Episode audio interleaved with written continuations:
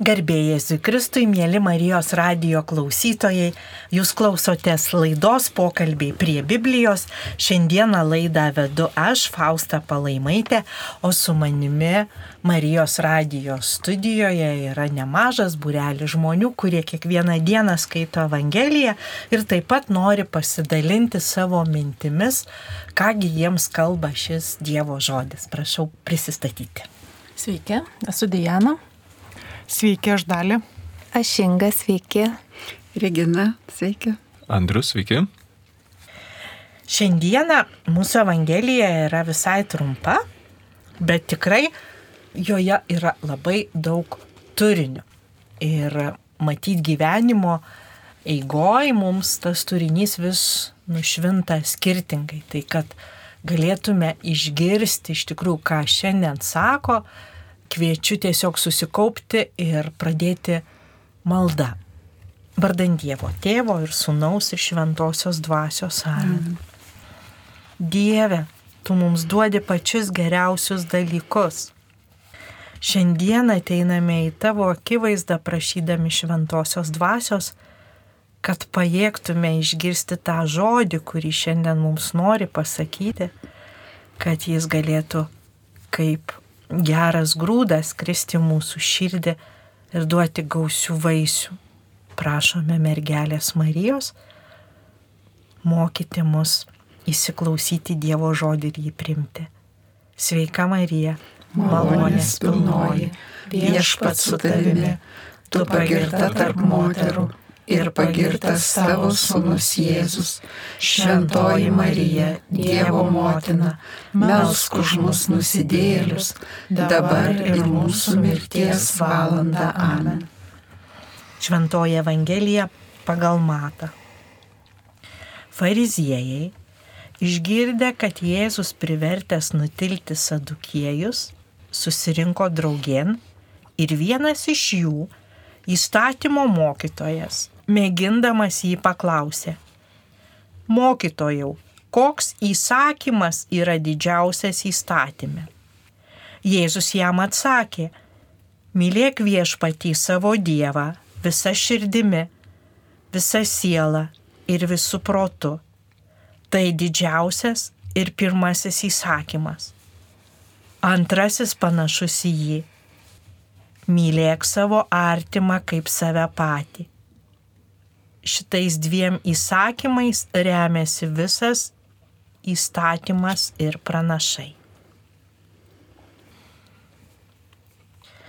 Na, tikriausiai kiekvienas iš mūsų moka mintinai tą didįjį įsakymą ir atsimenam jį ir pagalvojam vienaip ar kitaip.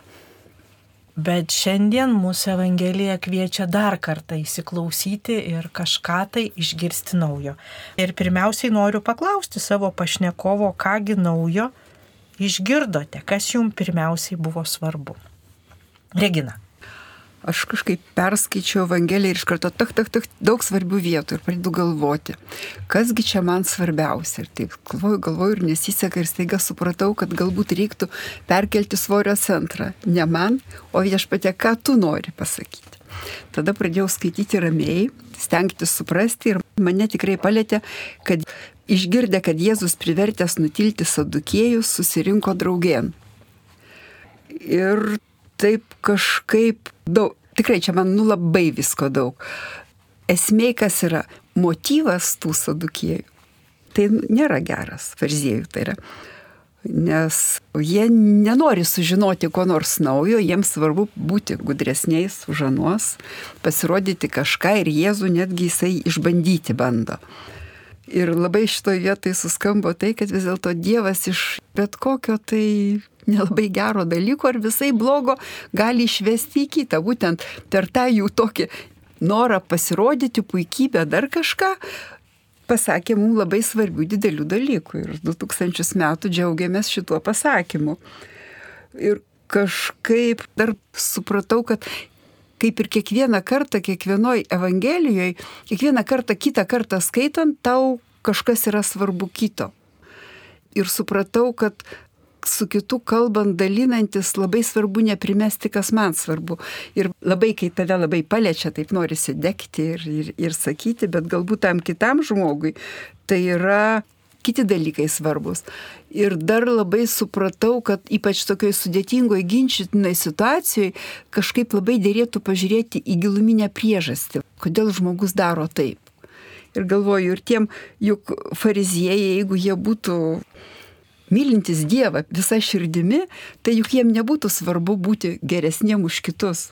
Tas iš kažkokios silpnybės žaizdos galbūt ateina puikybė ir taip pabandyti suprasti, nes aš kalbuosi kol kas dar su žmonėm, uždaro dabar jau mūsų klausytojų liniją, bet kartai žmonės skambina ir vat tą man labai pakalbėjo, kad labai svarbu pasistengti pajausti, kodėl, ką žmogus nori to pasakyti, nors žodžiai galbūt yra kitokie. Aš irgi norėčiau prie tų sadukiejų sustoti, kaip jie mane šį kartą prakalbino ir galvoju, kur jie čia norėjo sukirsti, kurio čia vietoje buvo išmėginimas ir galvoju, jeigu kalba buvo apie įsakymus, apie jų didumą, Aš taip įsivaizduoju, jeigu ne tas Jėzus giluminis pasakymas visai kito, aš įsivaizduoju, kad jie turėjo menį gal dešimt Dievo įsakymų nu ir kuris dabar svarbesnis. Ar ne pasakytų, kokį nors nevok yra svarbesnis, a, tai galima paleistuvauti. Tai va ir šitoje va vietoje man kažkaip labai aiškiai stuktelėjo, kad nu, niekas nėra svarbiau vienas įsakymas už kitą, jie visi vienodai svarbus. Bet Jėzus ką padarė? Iš tikrųjų sunku laikytis visų dešimt įsakymų nuoširdžiai. Tai va, jeigu taip labai pradedi, ne, kad užmušt gali ir žodžiais, tai yra žiauriai sunku ir kartais tai būna ir tą pažeidžiu, ir tą pažeidžiu, ir tą pažeidžiu.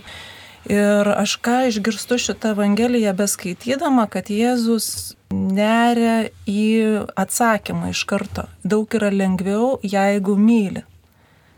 Meilė yra įstatymo pilnatvė ir jeigu myli, tada nesinori nei vokti, nei paleistuvauti ir jisai va su to savo atsakymu iš karto raktą duoda. Man prakalbo šiandien Evangelijoje sakinys mylėk savo artimą kaip save patį. Ir šį kartą skirtingai, aišku, tą skaitai Evangeliją ir skirtingai būna, kas tave užkabina. Šį kartą mane užkabino tas žodis savo artimą ir aš taip galvoju, ką Dievas nori pasakyti, kas tas yra man artimas. Ar, tas, ar tie šeimos nariai, kuriuos man taip fainai ir patinka mylėti ir myliu tada, kada jie pagal mane ar nelgesi. O gal tie visi žmonės, kur kunigai kreipiasi bažnyčio ir ne broliai sesės, tai kaip man mylėt tą kiekvieną žmogų. Nu, ne visi man jie patinka. Tai šiandien aš mastau apie tą artimo savoką. O man prakalbo eilutė dviem įsakymais remiasi visas įstatymas. Du paprasti tokie, va, atrodo, mylėk Dievą visų protų, visą širdimi ir savo artimą. Atrodo ir paprasta, ir kartu labai sudėtinga. Ir va tas pagrindinis įstatymas tai tiesiog kaip pamatas. Jeigu žmogus myli ir Dievą, ir myli savo artimą, tai jo visa kita veikla taip atrodo, kad ir bus tokia labai stabili. Jeigu tavo pamatai stabilus, tai ir tavo namas kažkaip tai negrius. Tai va ta tokia Jėzaus išmintis pasakyta, ką svarbiausia žmogus turi pradžiai daryti.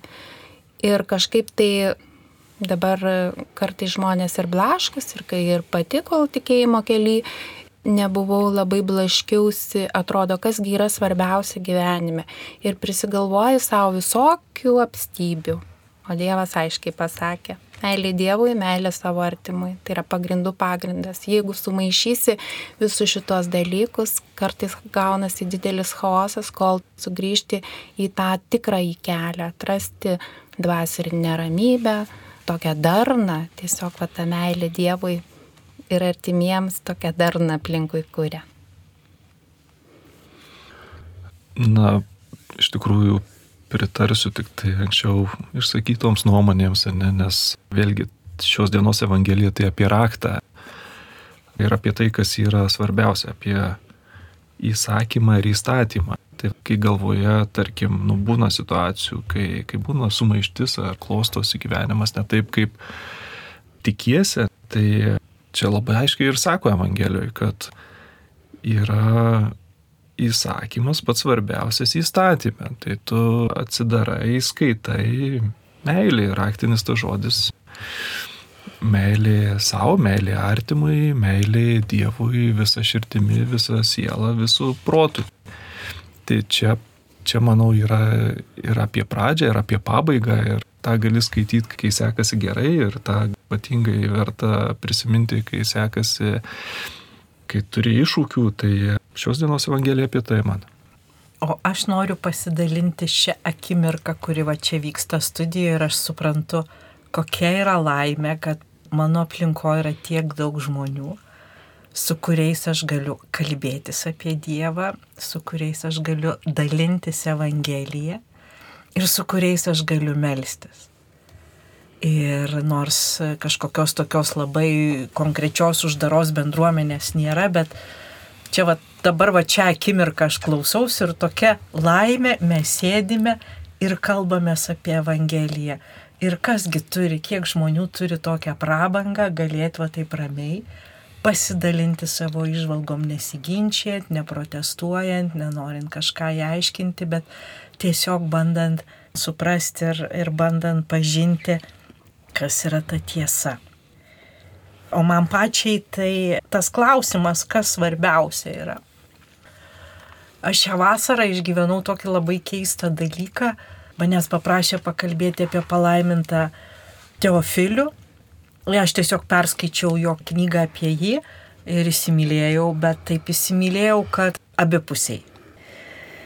Ir dabar turiu ir paveikslą jo savo namuose ir tas paveikslas yra ne kanoninis, kur mėlynam foniai su vyskupo rūbais ir mielom, bet nekanoninis, nutapytas pagal nuotrauką, kai jisai grįžo iš vieno iš savo įkalinimo buvo tokia nuotrauka nufotografuota su šimtasiūlė, su va tais kalinio drabužiais. Ir bažnyčioje, kur aš dabar dažniausiai lankausi, šitas paveikslas kabo. Ir kai aš pasakau apie Teofilių, susidraugavau su juo ir prašau jo užtarimo, man taip, nu, vat, ateinu, aš ten priklaupiu, ten ir Marijos altorius, ir, ir pagrindinis altorius šalia. Tas žvilgsnis į jį ir aš suprantu, kad aš nieko neturiu, negaliu prašyti tokio kažkokio kito, va kai jis visą gyvenimą, daugybę gyvenimo metų praleido lageriuose su visišku tikrumu, kad yra Dievo valios vykdymas, va toks Dievo valios vykdymas. Ir tada yra vienintelis klausimas, Dieve, ar aš vykdau šiandien tavo valią, ar darau tai, ką tu nori?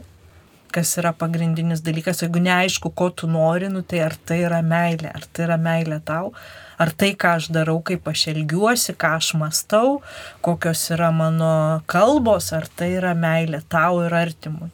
Ir jeigu ne, tai reikia skubėti pasitaisyti. Ir aišku, mano gyvenimas yra toks labai dabar princesė su pagalvėlėm, labai jau toks patogus, geras ir visapusiškai palaimintas. Ir dar kartai susimanai, o man gal dar ten reikia į kitą pusę pasaulio nuskristi ir dar ten kur nors paplaukti, pavažiuoti ar dar kažką padaryti ir ateini prie Teofiliaus. Ir supranti, kad vienintelio dalyko reikia kantrybės, tiesiog gyvenant tuo pagrindiniu dalyku Dievo valios vykdymo, o jei tų kvepiančių rožyčių dar ir pasitaikys, tai jos visai jokios esmės nesudaro.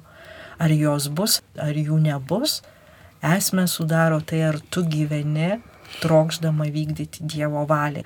Ir kaip pats Teofilius kalbėjosi ir su kunigais, ir jisai išventino ir Slatkevičių kardinolą, Jisai taip nuoširdžiai linkėdavo, kad tavo gyvenime būtų mažiau kančios negu mano. Prasme, kiek jisai pakėlė tų kentėjimų su visiška ramybė ir pasitikėjimu Dievu, kad mano tokia yra gyvenimo kelionė. Man yra šita skirta užduotis ir aš ją einu vykdyti nuolankiai ir su meilė. Ir šitam sumaišties pasaulyje, kai žmonės naktį nemiega, nes ale tai rūpeščių labai turi, ar ten dar kažkaip tai.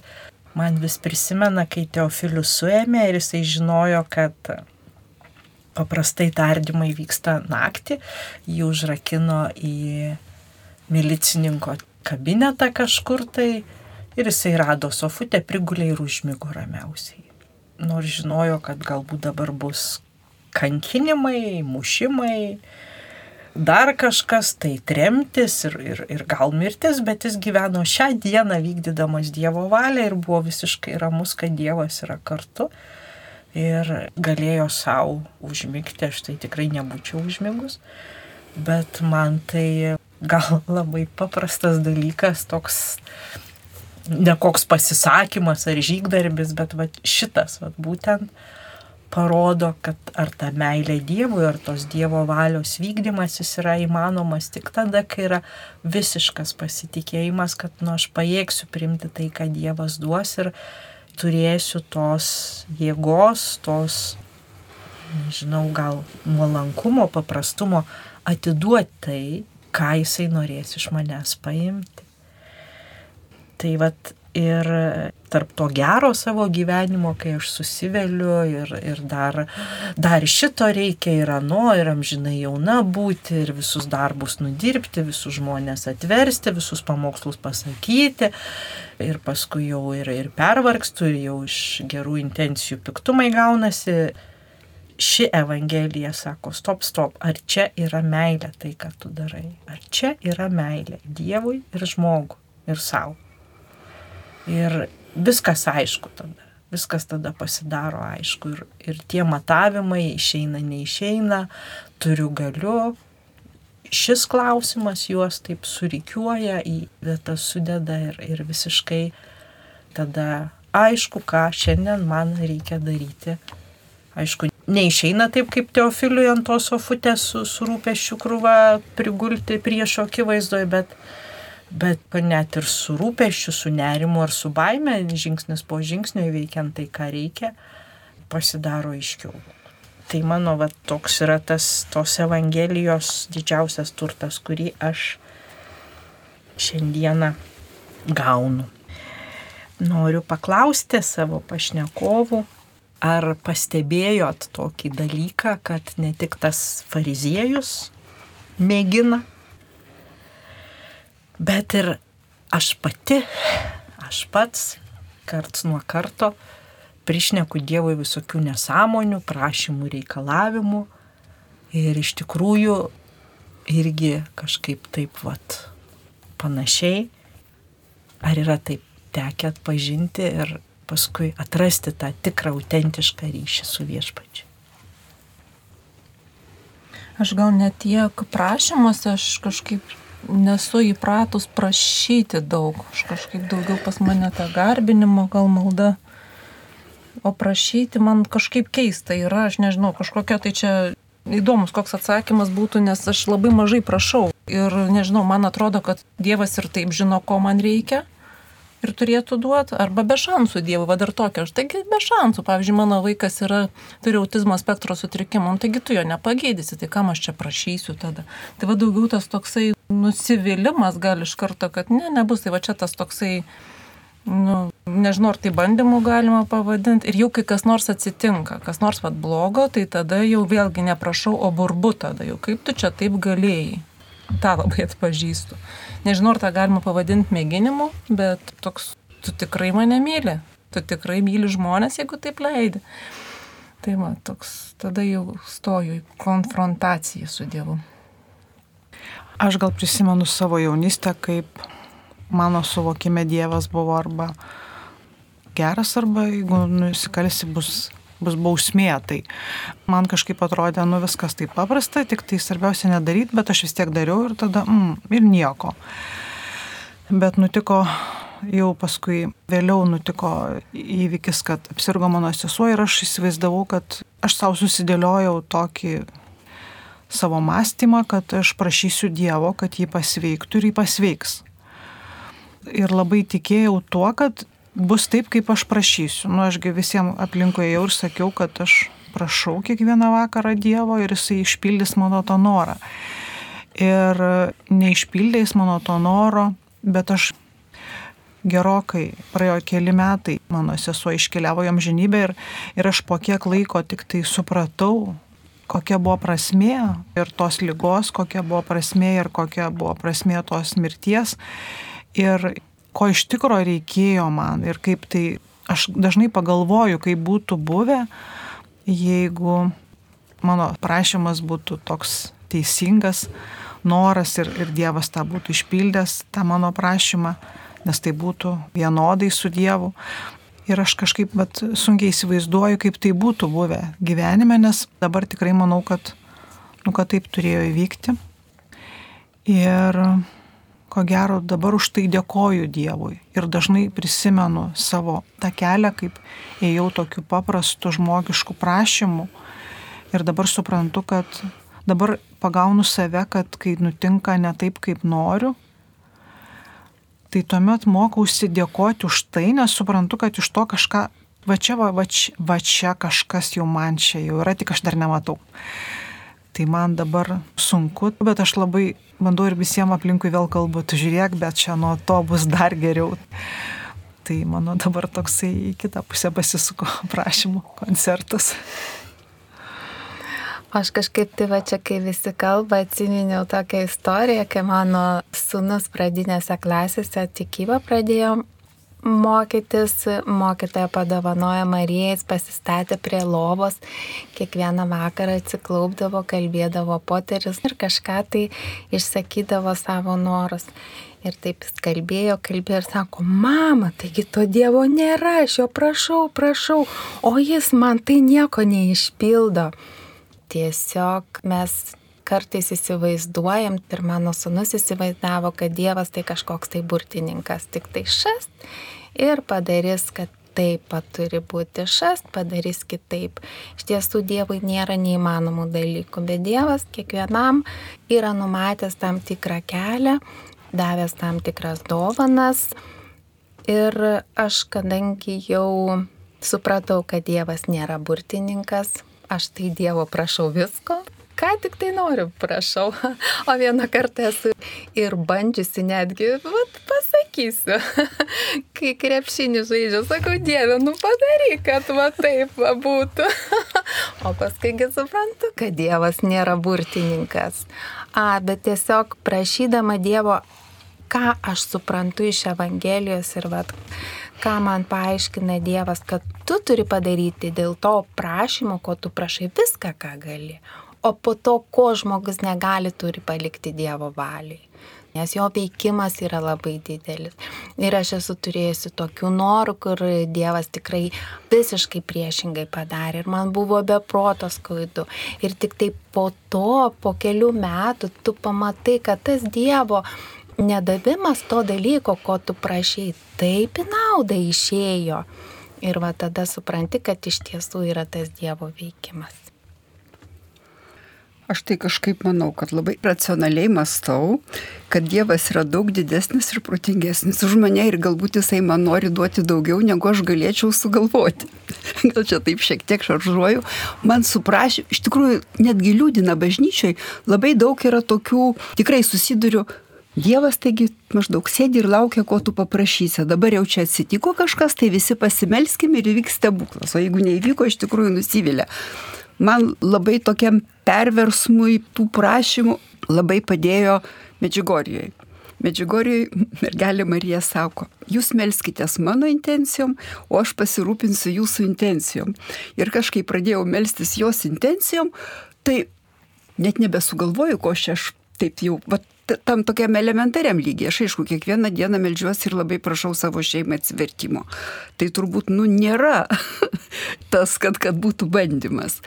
Sudėtingose situacijose aš dabar jau esu nu, įsitikinusi šimtų procentų, kad Dievas yra mylintis, Jisai mane myli ir duoda man tai, kas yra geriausia. Ir tai jeigu kažkas tokio, nu, žmogiškai atrodytų blogo, tai iš pradžių galvoju, gal ką tu Dieve nori, a, turbūt tu mane nori kažko išmokyti, duoti man. Ir ieškau, reiškia, ką aš čia turėčiau iš tos situacijos išmokti ir ta situacija nebepasidaro bloga. O jeigu va taip dar labai turėjau stiprią patirtį per mylėti ir atleisti rekolekcijas, ten jau kažkur į pabaigą supikau ant Dievo, jau taip supikau, Tai ką tu viešpatė įmetė į mane į tą mėšlą, ne pati pasirinkau ir dabar tu mane ištrauksi iš čia ir aš ką turėsiu būti dėkinga. Taip nuoširdžiai paputojau. Paskui nu reikia kažką daryti, kažkaip iš to pykčio išeiti, paimu tą, ką kasdien Zacharijo malda ir skaitau. Ir tu mus išgelbėsi nuo priešo. Reiškia, mus ir paskui Ir kitas sakinys, ir tuo rodai mūsų protėviams gailestingumą. Ir man čia taip suskambo, kad netgi tas, jeigu ir ne dėl manęs, tai jisai gali būti taip globaliai svarbus dalykas. Protėviam tu gali padėti, va šito išgelbėjimui, man tas buvo labai stipru. Tai dabar sakau, fantazija mano prašymėm kažkaip labai sumažėjo. Bet gyvenimas labai nuo to pagerėjo. Prisipažinsiu, prašau daug, prašau daug ir, ir, ir, ir savo, ir ne tik savo, pagrindę stengiuosi, ne tik savo, bet gal per tai ir, ir pačiam ateina suvokimas, ko aš pats asmeniškai noriu ir, ir žinoma prašau, kad duotų tai, ko reikia, o ne tai, ko, ko tik noriu, nes buvo situacijų, kai išpildo, su kaupu išpildo ir tada prasideda nauji nerimai, baimės, wow, prisiprašiau aš čia dabar, kaip čia dabar, dabar čia reikės visą tai, nežinau, įgyvendinti ar padaryti.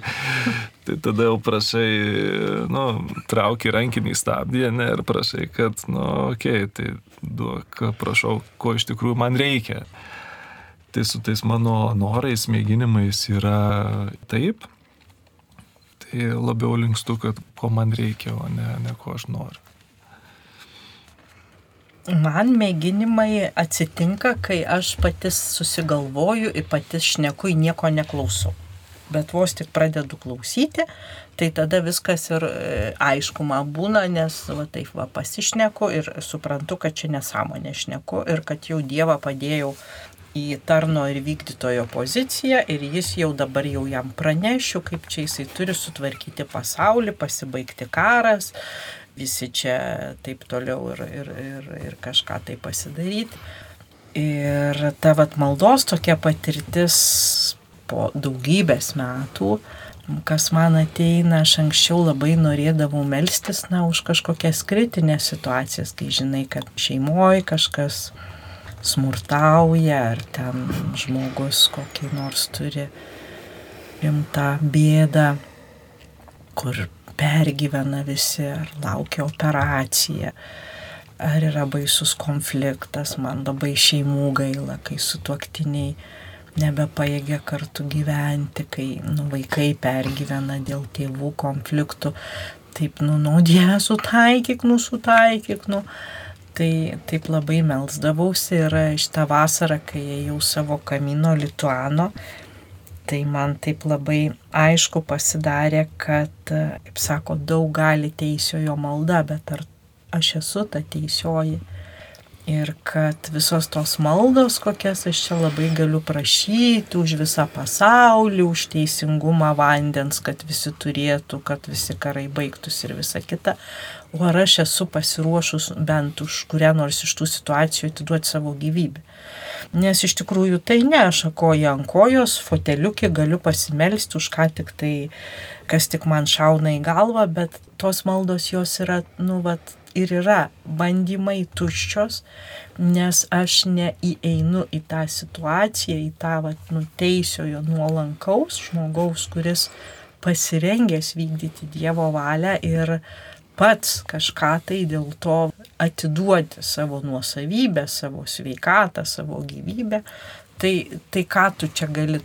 Aišku, aš kalėjime dirbu, ten tu turiu visokių žmonių, kurie ateina su savo bėdom tikrai tokiom, arba jų artimieji, kur neberanda ryšio ir atrodo, nu tai aš jau čia ir, ir man svarbu ir rūpi, bet iš tikrųjų, ar, ar tai yra teisiojo malda to, kuris pasiruošęs būti ne tik reikalo užsukėjų, bet ir vykdytojų. Jeigu Dievas mane siūstų į karą, ar aš eisiu? Ir jeigu ne, tai ar, ar tikra ta mano malda yra už taiką? Ar kokia tai Tai va ir, žodžiu, kad ta pati tikriausia malda, kokia yra teisinga, tai yra atgailos malda. Ir prašymas viešpaties, kad mano dvasia būtų ryštinga gyventi taip, kad galėčiau melstį teisiojo maldą, ne tik nusidėlio. Tai čia vienas dalykas, tokia patirtis šitos vasaros, o dar kita patirtis, tai man teko būti Portugalijoje, Lisabono ir mano bičiulis sako, nu tai aišku, važiuosi į Fatimą. Nu, aš dar tokia tikra nebuvau, kad aš į tą Fatimą važiuosiu, bet paskui galvoju, nu tai reikėtų. Bet da, ten daug žmonių, tenai plus 35, tenai. O tai ką aš ten, kodėl aš negaliu čia va prie tos pačios Fatimo Marijos savo koplyčioje pasimelsti. Ir kažkaip tai vis dėlto ta malda už tai, ką mane išjudino ieškoti autobuso, sėsti ir ieškoti, kaip ten nuvažiuoti. Ir, nu, galvoju, aš čia tik dėl tos taikos ir pasimelsiu. Ir bevažiuojant, atvykus, tiesiog atvyko šventoji dvasia ir aš meldžiausi ten ilgiausiai, surašiau ten ko ne šimtą žmonių į sąrašą, visus apmeldžiau savo draugus, pažįstamus, klientus, pacientus ir draugus ir priešus, gyvus ir numirusius, nu su tokiu širdies dėgymu ir su tokiu, nu, vat, supratimu ir, pavyzdžiui, už vieną šeimą meldžiantis, aš važiuodama net neatsiminiau to šeimos konkrečiai, už kurį jos nari, tos maldos reikia, vat, Va ta patirtis, kai aš išeinu iš savo tos būsenos, kaip tas fariziejus, kur aš žinau čia, nu tai tai, tai ką, tai koks čia skirtumas ir, ir gaunu tą Dievo atsaką ir malonę ir tada įvyksta visai kiti dalykai. Ir aš manau, kad Jėzus čia tam žmogui galėjo pasakyti tik todėl, kad jo vidus vis dėlto buvo atviras tiesos paieškai. Nes jeigu jisai būtų tikrai užkietėjęs, tai būtų gavęs dar vieną palyginimą, kaip daugelį vietų yra, nu, kur tiesiog pastato į vietą. Bet net ir bandant, jeigu yra tas atvirumas, viešpats noriai atsiliepia ir pakalba daugiau, atveria daugiau negu žmogus manė, kad yra. Ir liko dar vienas klausimas, kurį labai norėčiau išgirsti, galbūt kažkaip galit pasidalyti. O kaipgi jums sekasi mylėti tą Dievą arba artimą, arba save patį, arba kurį nors vieną iš trijų, arba visus tris. Kaip čia sako, čia visi kartu turėjai visai, bet iš tikrųjų mes kiekvienas turim savo patirtis, tai kaip jums yra, kaip jums šiandien šį gyvenimo etapą atrodo šis įsakymo vykdymas. Aš gal noriu pasidalinti tokiu savo įvykiu gyvenime, kur mane pačią nustebino mano pačios sprendimai, bet aš suprantu, kad tai buvo Dievo valia. Prieš kelis metus aš turėjau tokį konfliktą, šiaip esu toks taikus žmogus, bet tiesiog mane ten buvo taip išvedę iš pusiausviros. Ir moteris. Ir žodžiu, baigėmės tą kažkaip konfliktą, įsiskirstėm, bet aš, kaip aš sakau, dar aš einu ir dar toliau kalbuosi ir, ir ginčijuosi ir su jie ir, ir, ir bandau Dievui sakyti, kaip taip gali būti, čia tokia neteisybė. Tą vakarą šiaip taip nurimau, kitą dieną vėl išėjau į mišką ir einu miškė ir, ir toliau, taip sakant, ginčijuosi. Ir paskui man taip Dievo nušvietimas. Aš manau, kad tai tikrai ten buvo Dievo nušvietimas, nes Aš galvoju, aš pasimelsiu už tą moterį. Aš pradėjau melstis labai sunku pradžioj. Pasimeldžiu ir vėl iš karto, tai kodėl jinai taip sakė. Gerai, toliau melsiuos. Galvoju, taip melsiuos, tiesiog taip įkyriai melsiuos. Vis tiek, nu, vat, galvoju, gal Dievas manęs pasigailės. Nes, nu, galvoju, aš negaliu vaikščioti su ta tokia nuoskauda, kuri tokia, nu, subjektyvi ir, ir, ir, Ir žodžiu, aš taip ėjau tokį gerą miškę, turiu tokį savo ratuką ir, nu, tai užtruko valandą, tas, sakysim, tas įėjimas. Ir aš visą kelią meldžiausi, meldžiausi ir, ir aš grįždama namo supratau, kad tai o, visai nieko ten ta kaiminė, nu tai galvoju, tai čia jos reikalas. Galvoju, aha, dar pasižiūrėsiu, kaip dar kitą dieną bus. Atsikeliu kitą dieną ryte, žodžiu, ir, ir, ir nebereikia man su ją kalbėtis mintyse. Tai vad, Šlovė viešpačiui. Ačiū. Tai aš irgi dar greit noriu pasakyti, kaip mane Dievas, visi kiti aplinkui turi mylėti, tai aš labai gerai žinau. Aš galiu kiekvienam pateikti sąrašą, ką man reikia duoti, sakyti, kaip su manim būti. Ir aš dažniausiai į tai būnu ir susitelkus. Mane čia gerai myli, a mane čia blogai myli. Jeigu kas blogai myli, sakau, ne, ne, man šito sakyti nereikia. Ne, ne, aš šito nevalgau, man to nedary. Aš dovanų nemėgstu, man nepirk dovanų, nepatinka. Nu va, o kaip reikia mylėti tą kitą, tai jau yra vat, ir visa problema, nes neretai paklausų žmogų, o kaip tave mylėti, tai jis ir nežino to sąrašo, kurį aš žinau. Ir tada, nu, net ir, ir neišeina. Tai, o kaip Dievą mylėti? Tai man kaip ir būtų aišku, bet labai neišeina, nes visa siela, visa širdimi aš kokiais 3 procentais galiu, nu gal 7, kai kuriate nors protuvą, pavyzdžiui, kokiais septyniais galėčiau mylėti, gal net septyniasdešimčia, nes aš tai suprantu, kad jo nesuprasiu ir kad jis už mane gerokai pranoksta. Bet va, kur ten mano širdis nueina kartais į visai kitas pusės, tai jau ten visai gaunasi. Bet kas man labiausiai patinka iš tam įsakymę, tai kai aš atsikeliu iš ryto ir aš nežinau, ką čia daryti, tai aš jį prisimenu, kad reikia mylėti. Nu, kad užduotis tai tokia iš esmės, o va ką aš darysiu, tai jau smulkmena yra. Ir va tada man labai pagerėja ir su tais 3 procentais irgi mano diena būna nu, visai kitokia, negu kai aš neatsimenu, ką aš čia šią dieną darau, kai aš manau, kad aš turiu vesti paskaitas, eiti paskaitas, ten sakyti, daryti, pildyti dokumentus, taisyti dokumentus, organizuoti, tai ir, ir užmirštu, kad tai yra meilė, va tada žymiai blogiau einasi.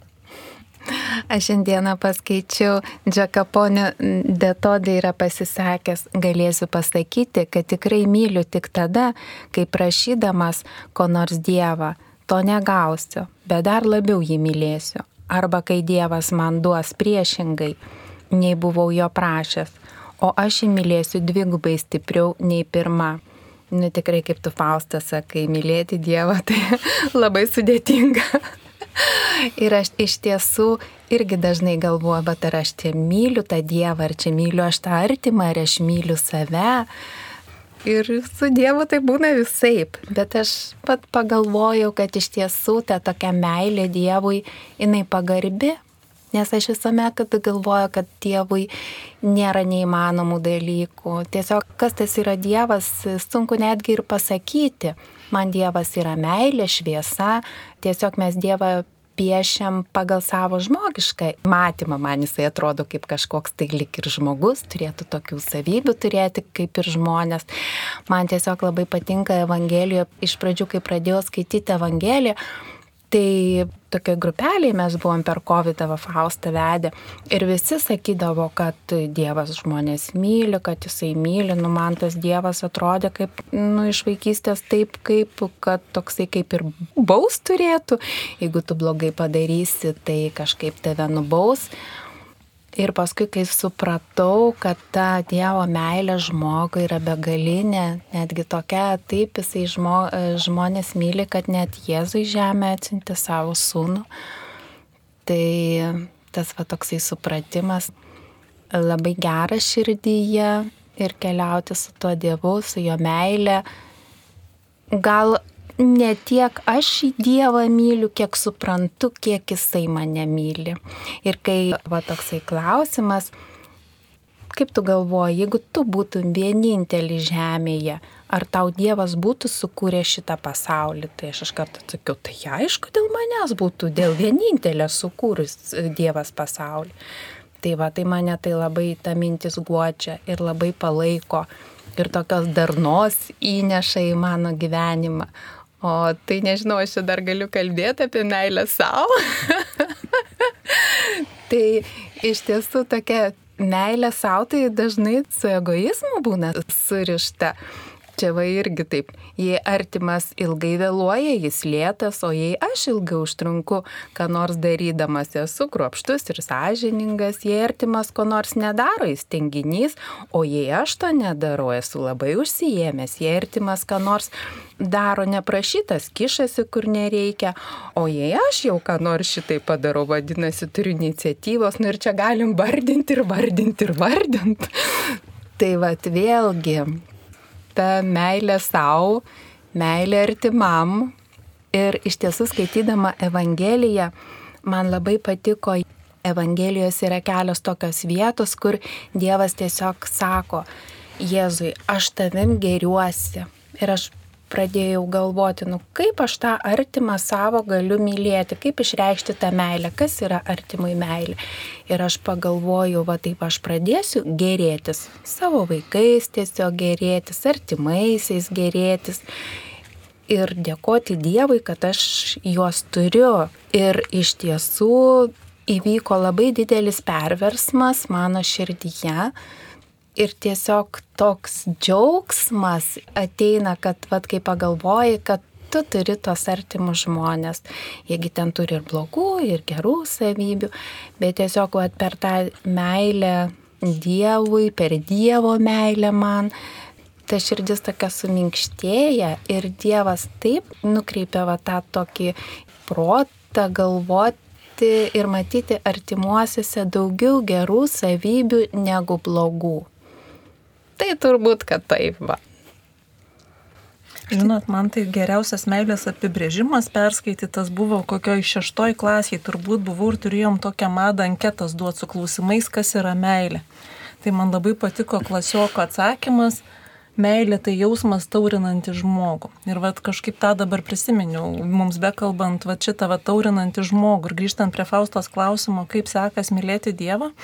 Ir tokią kuriozinę situaciją savo gyvenime atsimenu, nes situacija, ta situacija tęsiasi gal kokį pusmetį. Kai žinot, būna, kai įsimylį ir, ir fiziškai jauti drugelius kažkur tai čia beskraidančius. Ir man buvo toks nuo įsimylėjimo, nuo Dievo įsimylėjimo. Ir galvoju, kaip aš myliu, kaip aš myliu. Ir nueinu vieną kartą iš pažinties po tokių labai gerų rekolekcijų septynių dienų, kur buvo po vieną nuodėmę įdą kiekvieną dieną svarstoma. Ir ten nutų nuodėmių, kai septynias dienas ieškai, tai tiek ohoho. Ir tada kunigas manęs klausia. Klausė, klausė ir tada klausia, o kiek tu myli Jėzų? Ir man gėda prisipažinti, kad aš myliu tiek, kad man ten drugeliai skraido, nes aš darau taip, kad tos meilės, nu, nesimato, jeigu aš taip darau. Tai aš tada kažkaip tai, nežinau, kas liežuvį timtilio, sakau, iki kulniukų. Ir taip visi tie drugeliai nuskrido į tos kulniukus. Kai supranti, ar ne, kad meilė turėtų reikštis iš tikrųjų pasirinkimais. Va to teisiojo malda, ką Faustas sakė. Ir, ir tada galvoju, nu jo, skraidimai žodžiu baigėsi ties kulniukais. Tai va, ir, ir dabar suprantu, kad meilė Dievui yra labai labai, na, esminė ir sunkia užduotis, nes jinai turi pasireikšti kiekvienos dienos pasirinkimais ir, vad, kaip pradžiai minėjau, kad tai yra priežastis nenusidėti, jeigu aš iš tikrųjų myliu, tai aš vykdysiu visus tos dešimt įsakymų su lengvumu, bet dėja yra, yra sunkoka. Ir netikėtai mūsų laikas baigėsi, tai teks užbaigti mūsų laidą šitoje vietoje malda.